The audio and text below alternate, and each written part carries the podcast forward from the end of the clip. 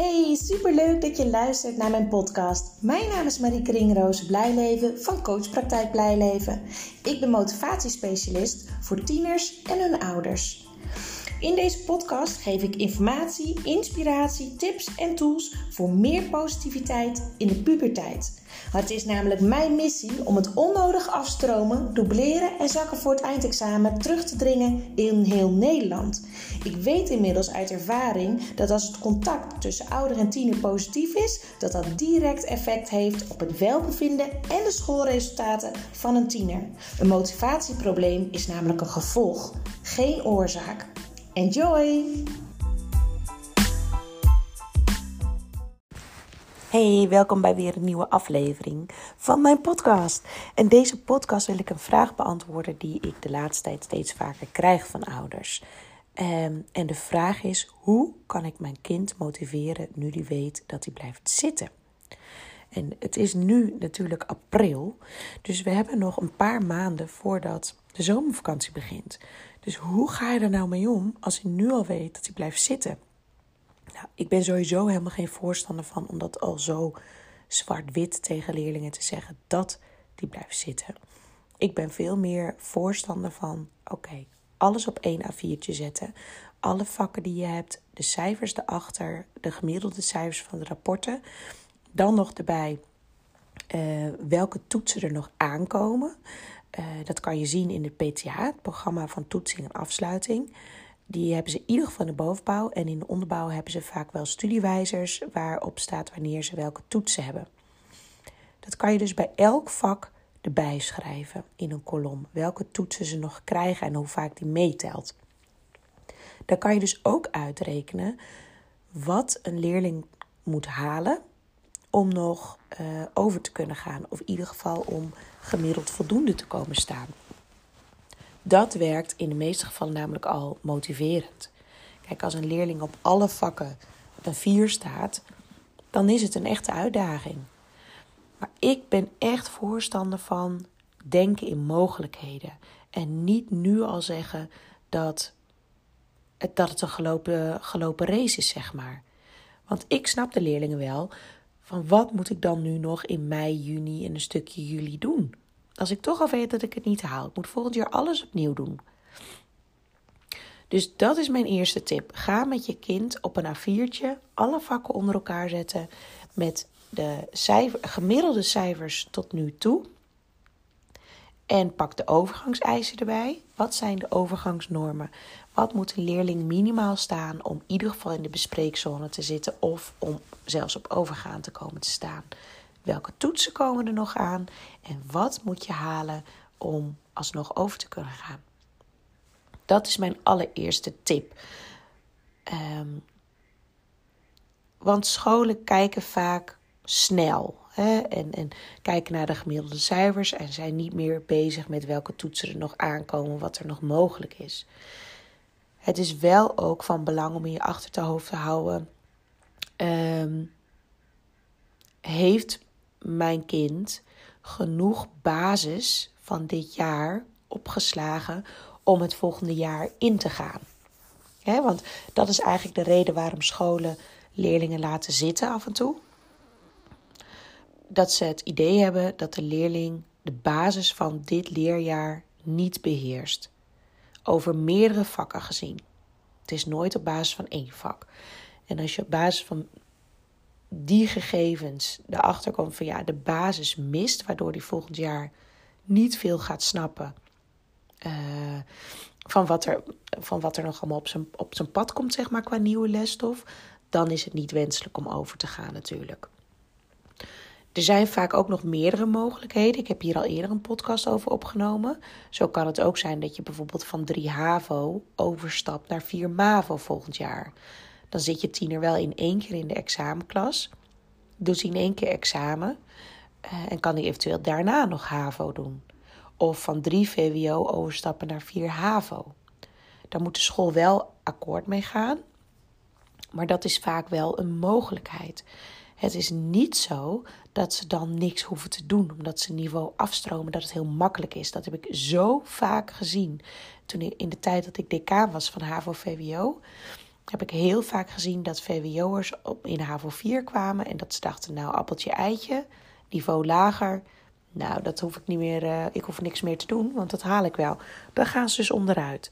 Want je redt HAVO 4 en 5 niet door niks te doen. Ook niet als uh, de brains hebt, zeg maar. Oké, dus dat, uh, dat zijn mogelijkheden ook nog. En als je meer mogelijkheden wil uh, weten, dan moet je even mijn andere podcast luisteren over dit thema. De mogelijkheden na HAVO 4, geloof ik. Of als, maar als je HAVO 4 niet redt, daar gaat het over.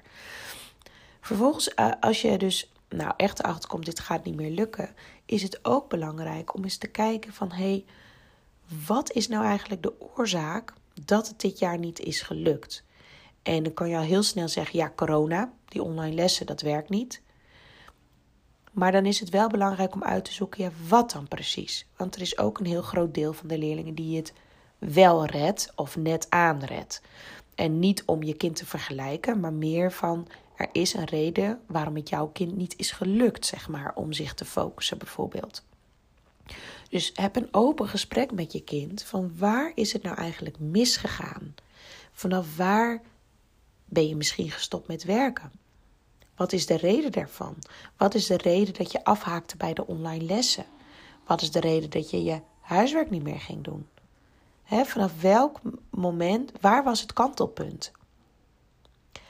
Heb je scherp wat de overgangseisen zijn? Wist je dat je het gevaar liep om dit jaar niet te halen? En wat is de reden dat er geen verandering is gekomen? Had je hulp moeten vragen, bijvoorbeeld, wat je niet hebt gedaan?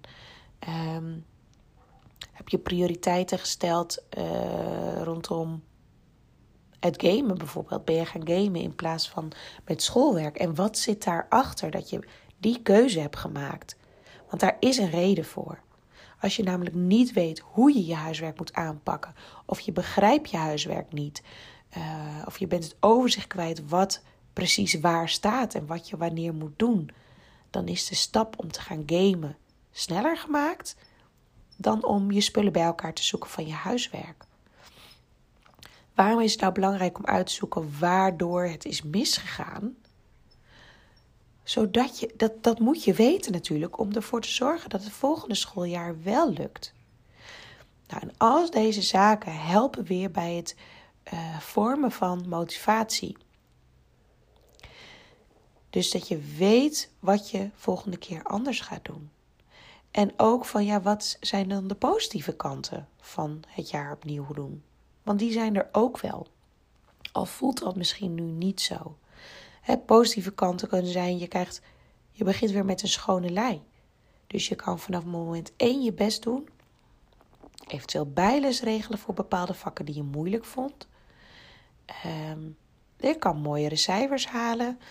Je weet nu wat er gaat gebeuren. Je weet wat je te wachten staat. Je weet wat je lastig vond, waar je extra op moet opletten. Je weet hoe de toetsen eruit zien in dit leerjaar. Um, dat soort zaken. tuurlijk zijn er ook nadelen. En die mag je kind ook best wel benoemen. Bijvoorbeeld een nieuwe groep.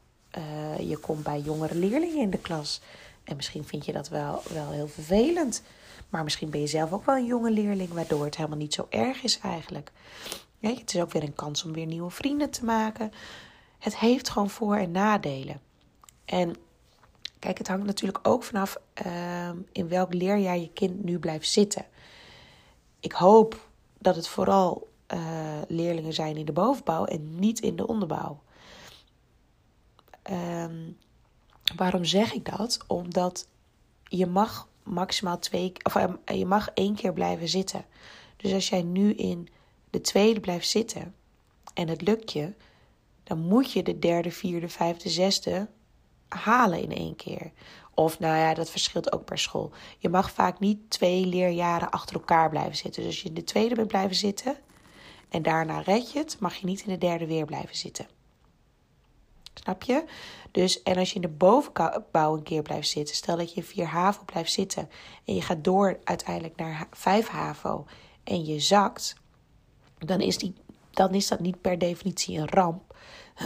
Want dan kan je ook naar het volwassen onderwijs gaan. Hoef je alleen maar de vakken opnieuw te doen waarvoor je gezakt bent. Hoef je niet alle vakken opnieuw te doen. Dus dat is weer uh, prettiger. En datzelfde geldt voor dubleren in de derde klas, dan moet je dus alle vakken opnieuw doen. Terwijl als je overgaat naar de vierde klas, dus stel dat je van 3 VWO naar 4 HAVO gaat, dan kan je dus al je vakken voor je profiel kiezen en hoef je alleen maar die profielvakken te doen. Dus dat scheelt ook qua motivatie. Dat je alleen maar de vakken nog hoeft te doen die je ook het leukste vindt. stel dat je, dat je slecht bent in de exacte vakken, wiskunde uh, B, uh, natuurkunde, scheikunde, biologie, dan kies je waarschijnlijk voor een EMCM-profiel. Dus een uh, economie en maatschappij of cultuur en maatschappij. En dan heb je die vakken niet meer. Dus dat kan ook zorgen voor motivatie. Um, dus mijn tips voor als je kind nu al weet dat hij blijft zitten. Ga in ieder geval met elkaar in gesprek hoe het nu voor je kind is nu die dit weet. Wat gaat er door hem heen? Geef ook erkenning voor die gevoelens. Toon begrip. Ehm, ga het niet mooier maken of bagatelliseren. Luister gewoon. En laat hem vertellen totdat alles eruit is. En wat er dan nodig is nu om nog motivatie te vinden. Want dat is ook gewoon een hele ingewikkelde kwestie. Dat kan je ook gewoon, kan je ook gewoon aangeven. En scholen weten dat ook. Je kan niet zeggen: blijf nou maar gewoon je best doen. Want deze vakken krijg je volgend jaar weer. Dat werkt niet voor de tieners. Dus ik zou echt zeggen: maak een A4'tje met de vakken erop. Met de gemiddelde cijfers erbij. Welke toetsen er nog aankomen. En kijk wat er nog mogelijk is. Welke cijfers die nog kan ophalen. Um, nou ja, en als dat dus moeilijk is, als je lesstof niet begrijpt, waar zitten de gaten? want dat helpt ook om weer te kunnen focussen. Uh, ook voor het jaar daarna. Dus toon ook begrip dat het nutteloos voelt, maar kijk vooral nog in mogelijkheden. Ik ben echt voorstander daarvan. Soms gebeuren er gekke dingen en halen ze de cijfers opeens op wil geen valse hoop geven, maar dat is wel de ervaring die ik heb. En als zij het gevoel hebben dat er nog dingen mogelijk zijn, voelen ze ook meer motivatie.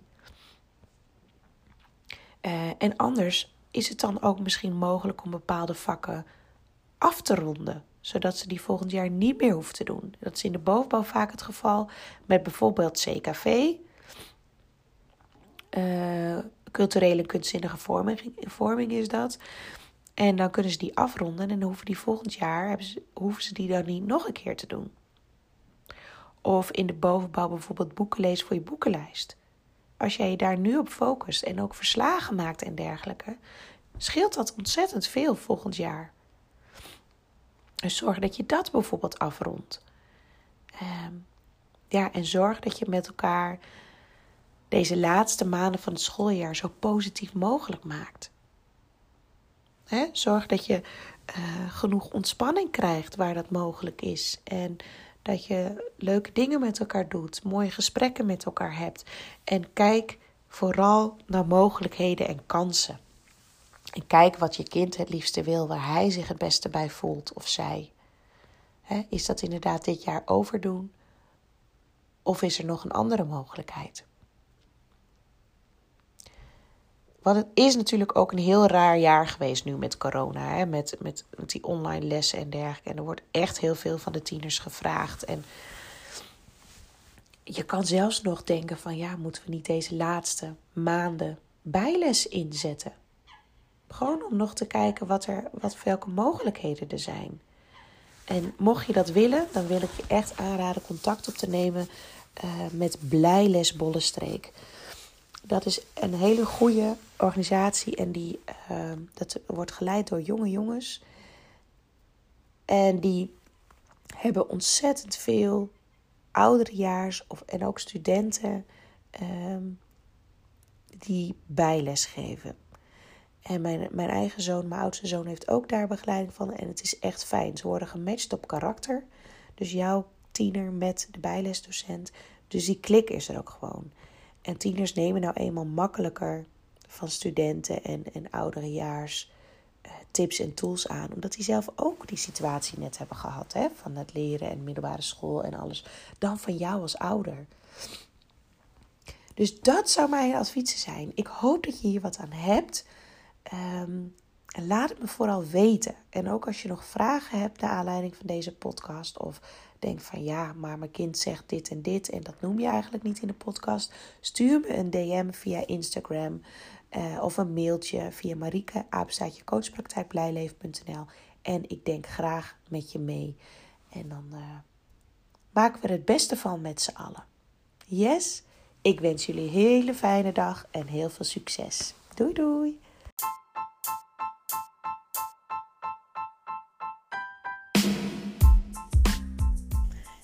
Dit was weer de aflevering van deze podcast. Ik hoop dat je het leuk hebt gevonden, dat je er veel informatie, tips en inspiratie uit hebt kunnen halen. Ik ben ontzettend benieuwd wat jij van deze podcast vond en wat je eruit hebt gehaald. Want ik neem ze op, maar ik wil heel graag weten hoe het is voor jou als luisteraar om dit allemaal te horen. Wil je mij dat laten weten via een persoonlijk berichtje? Dan vind ik dat hartstikke leuk. Wil je andere ouders motiveren, stimuleren? En inspireren met deze podcast, deel het dan op social media. En wil je mij contacten? Dat kan via www.coachpraktijkblijleven.nl.